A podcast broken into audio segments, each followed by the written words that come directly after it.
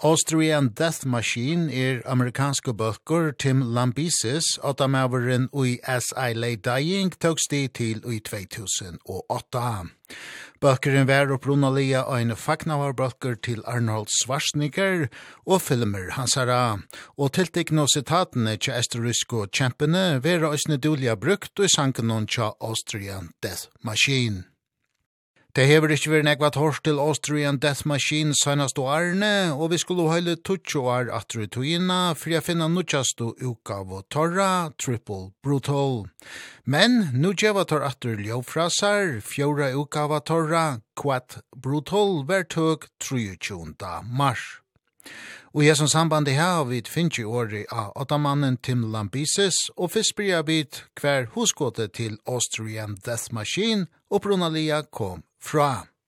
The original idea was just I um I wanted to have fun. I grew up listening to or I grew up watching um Arnold Schwarzenegger's action movies when I was a kid and you know I I had all those like one-liners stuck in my head, all those famous lines like get to the chopper and you know all the um I'll be back and all those types of very famous phrases and I thought to myself like sometimes when I'm picking up my guitar, I play the thrash music I grew up listening to and I think of like those action movies I grew up watching and they just feel like they belong together. And uh, the project uh, was a su success from the beginning and the first two uh, albums uh, Total Brutal and Double Brutal was very well uh, received. Uh, did you expect that uh, good uh, reception? I thought that it would be a little bit more underground than it ended up being which is not a problem. I'm glad that more people got to hear it. But at the time I didn't know um if a record label would release it or if I'd have to release it myself and so I just made the record having fun. Uh, you know, I own my own recording studio and and back then that was pretty rare. now that's a very common thing. A lot of people have their own home studio but back then it was very uncommon. And uh so i thought i'm one of the few people that has an opportunity to do something like this and just have fun and not worry about how commercially successful it is. And then it was a great surprise to see uh, a, a good amount of commercial success. Vi har finnst Tim Lambises a greia fra nøkna av sangen av Quad Brutal, nukki utgavene tja Austrian Death Machine, og fyrste sangeren han greia fra om er stegleie Judgment Day, her Ricky Hoover ur O Solfan teke seg av sangpartnån. Yeah, uh, Judgment Day to me is one of my favorite um, songs that I, I got a chance to write because it, it's a little bit outside the box for me. It's This is a little bit maybe musically nerdy, but it's it's in a triplet grid which I typically don't write in in triplet grid. And to me triplet grid sounds relatively mechanical um comparatively to like you know other songs that I write. So when I was done writing it I felt like oh this sounds very very mechanical and it sounds almost like a a machine wrote the song with me. And uh so then I talked about you know the machines taking over and how how it, you know, I've done something outside of my norm, writing writing something a little bit more mechanical than I typically would write. Um the lyrical theme to me seems to fit the the, the machines have have even they've gotten to me so that they must be getting to the rest of the world. Hey, Timmy, did you hear the machines are taking over? The AI? What is happening? Now they're writing our songs. What is this? I don't like it. Oh no, the machine is broken. Ah, make it stop.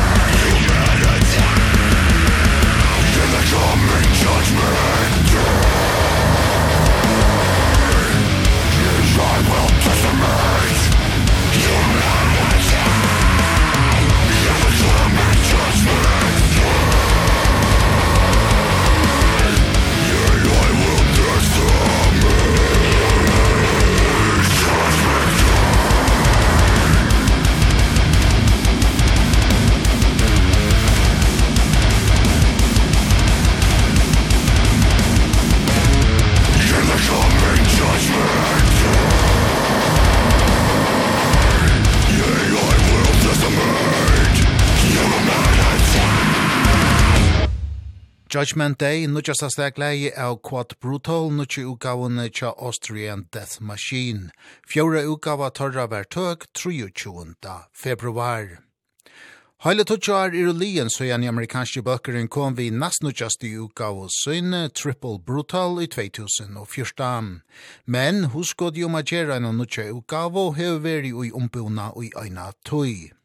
Tim Lambises er heilen ui Austrian Death Machine. I always thought in the back of my mind I would like to do a new album eventually and, and um even like as I finish Quad Brutal it comes out you know on the 23rd which is uh you know a day and a half from now.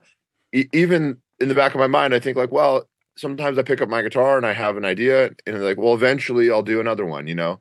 And I always have in the back of my mind I'll eventually do another one but the timing is very you know it's very loose because I, I don't have deadlines or or pressure because this is this is like a originally started as a solo project.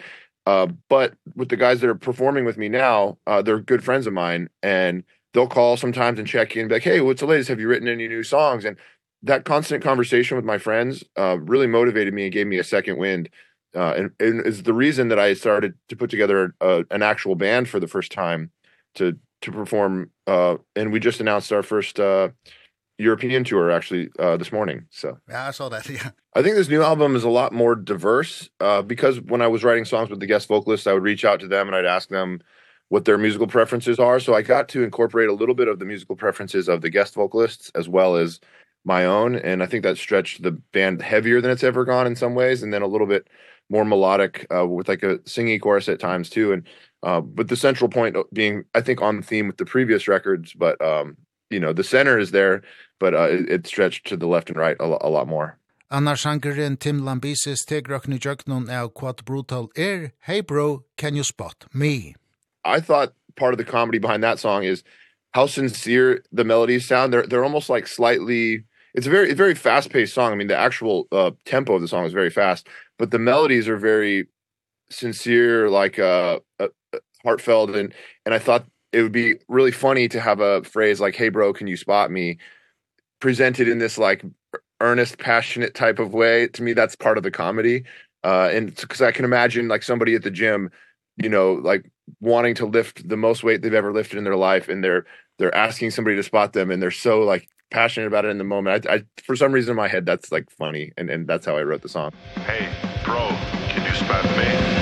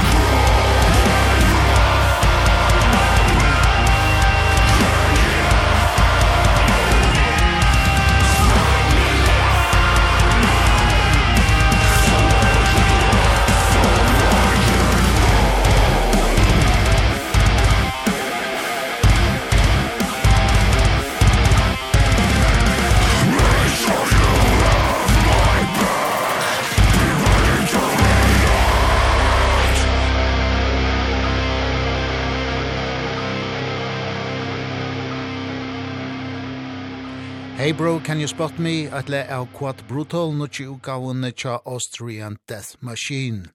Fjóra utgava torra ver tøk 23. februar.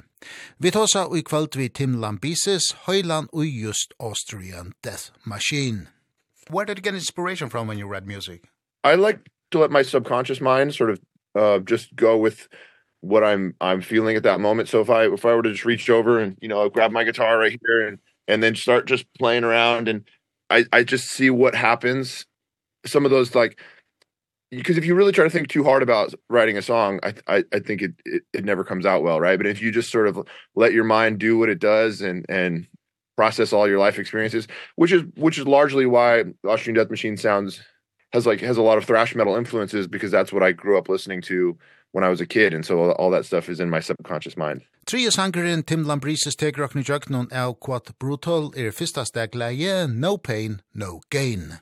Yeah, that one uh, was great cuz I um it had a lot of uh I guess like chanty grooves to it. It's uh again like like all the Austrian Death Machine stuff it's a very fast-paced tempo, but whenever the the grooves hit all the the right hand guitar parts that I was working on.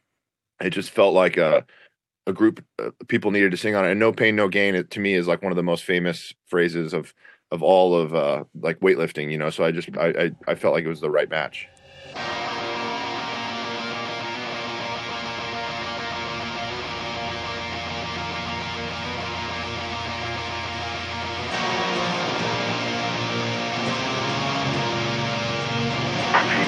go through this main barrier, you make it to be a champion. The only time you really consider the failure is if you fall and you don't get up. I'm not worried about failing because that's part of life. This is why I did not feel that pain. I did not care if I was bleeding on my knees because I knew that pain is temporary. Yeah!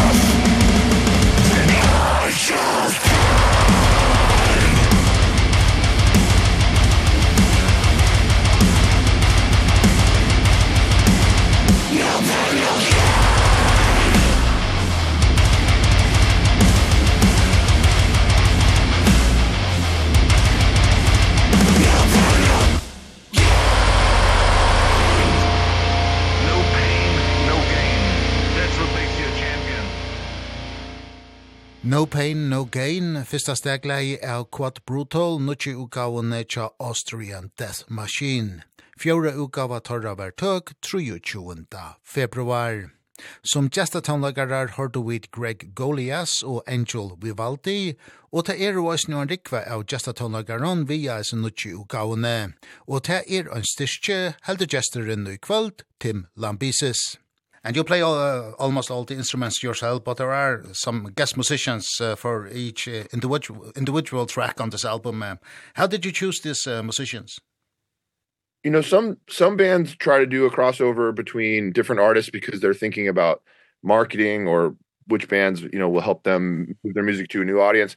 In my case, because um because I make a living doing what I do with As I Lay Dying, when I when it comes to Austrian Death Machine, I always just want it to remain – something I I enjoy and I don't you know I hope it does well commercially but the the idea is to just have a good time. And so everybody that performed on this record with me was was a friend. And and these are just people that I talked to already. And it's like well hey we're already talking we're already hanging out. Like let's just let's find a way to do a song together. Did they have uh, the free space to play their part or did you give them uh, the part to play or how how was that process? In the past I would just sort of like write a song and then approach somebody and say hey I finished a lot of this song uh would you like to help me finish it play a guitar solo or something like that. But on this album I actually did something different which is where I um where I talked to friends of mine and I said hey I want I want to do a song with you. Uh what stylistically would you want me to write? You know so that I had some input on like what they might enjoy singing over as an example. Uh and it really created a little more diversity with the album because you know one guy said oh, I really love like the extreme side of death metal. And so I'd write a very heavy death metal leaning song. And another guy said, "Oh, I really like the Azalea Dying album Shadows Are Security, which, you know, I wrote or helped co-write back in uh 2005, you know, and it's like so then it has a very throwback melodic um metalcore kind of sound for that song and and of course then the, there's the thrash side which has always been I think the central point for Austrian Death Machine. Yeah, so the lyrics to me I I have all these different phrases that Arnold said over the years and I always try to think like uh what song sonically does this does this like famous line that he said fit best with you know? And and then I'm writing a song and and for some reason sometimes certain lines just seem to match the, that song. And I just I just pair them together and it, just seems it's sort of like just naturally comes together. Fjórðu sangurin Tim Lambises tekur okkur í jöknun er Quad Brutal er triasta glæje, Destroy the Machines. Yeah, Destroy the Machines to me had that war march to the intro. So I wrote the drums for Destroy the Machines first and then my friend Joey and I actually wrote the guitars together later. So I wrote the arrangement with like a very simple layer of guitar riffs or guitar riffs. Um but then when I sent it to my buddy Joey to help me like um elaborate on the song, he kept on telling me, "Yeah, the the drums just sound like a war march, you know." And and I said, "Okay, well, then it needs to be the uh, the anthem to to destroy the machines." Destroy the machines.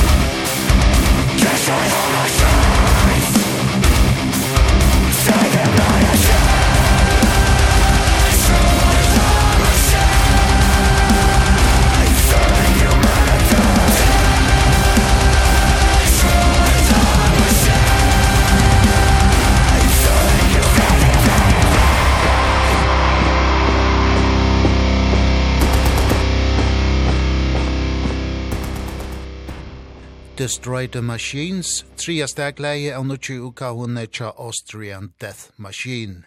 23. februar vær møvelaitje at okna sær fjoru uka vo torra. Som gestatonlagarar har du vid Danny Lambisis, kono gesten i kvöld Tim Lambisis, og Joey Alcorn som dagliga spelar vi i bøtjen Wolves in the Gate. Austrian Death Machine er ikkje ein studioversk atlan, tog i sommar kjemur balkeren til Europa spela nekra konserter, og ta gleier Tim Lambises sitt til.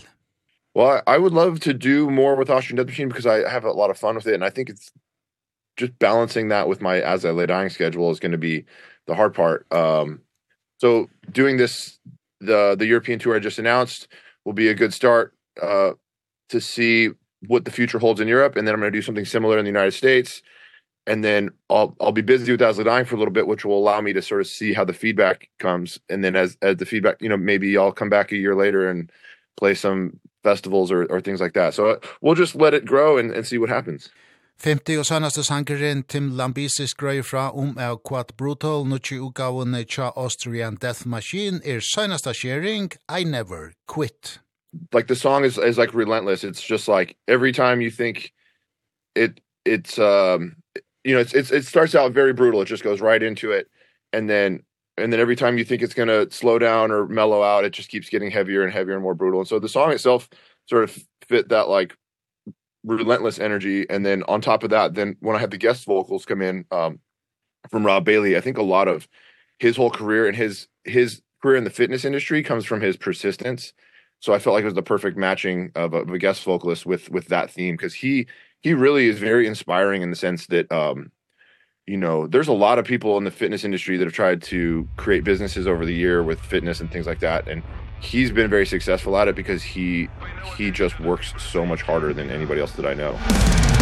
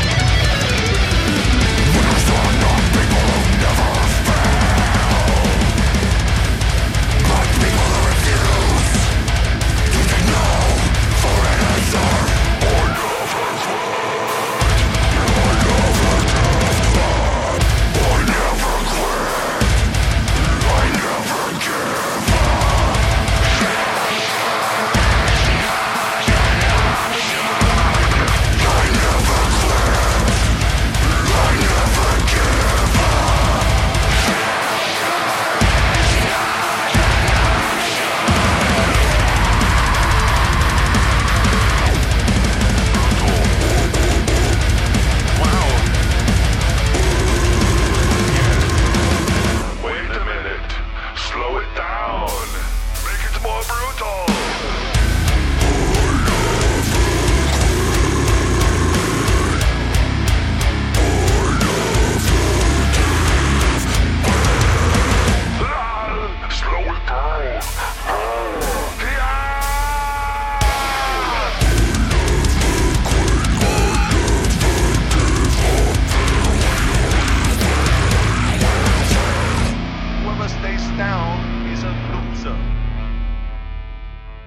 Vid hava tosa vi Tim Lambises, høyland ui amerikanska bøtjenon Austrian Death Machine. Etter en stek opp av høyle tutsjoar er fagnavarbalkeren til Arnold Schwarzenegger, loksens aktueller vi nutjari ukawo, Quad brutal. Tim Lambises tok okken òsni i fem av løven og ævis i fjóri utgavene tja Austrian Death Machine, og nudel søgnas grødjan fra om Sanchen, I Never Quit.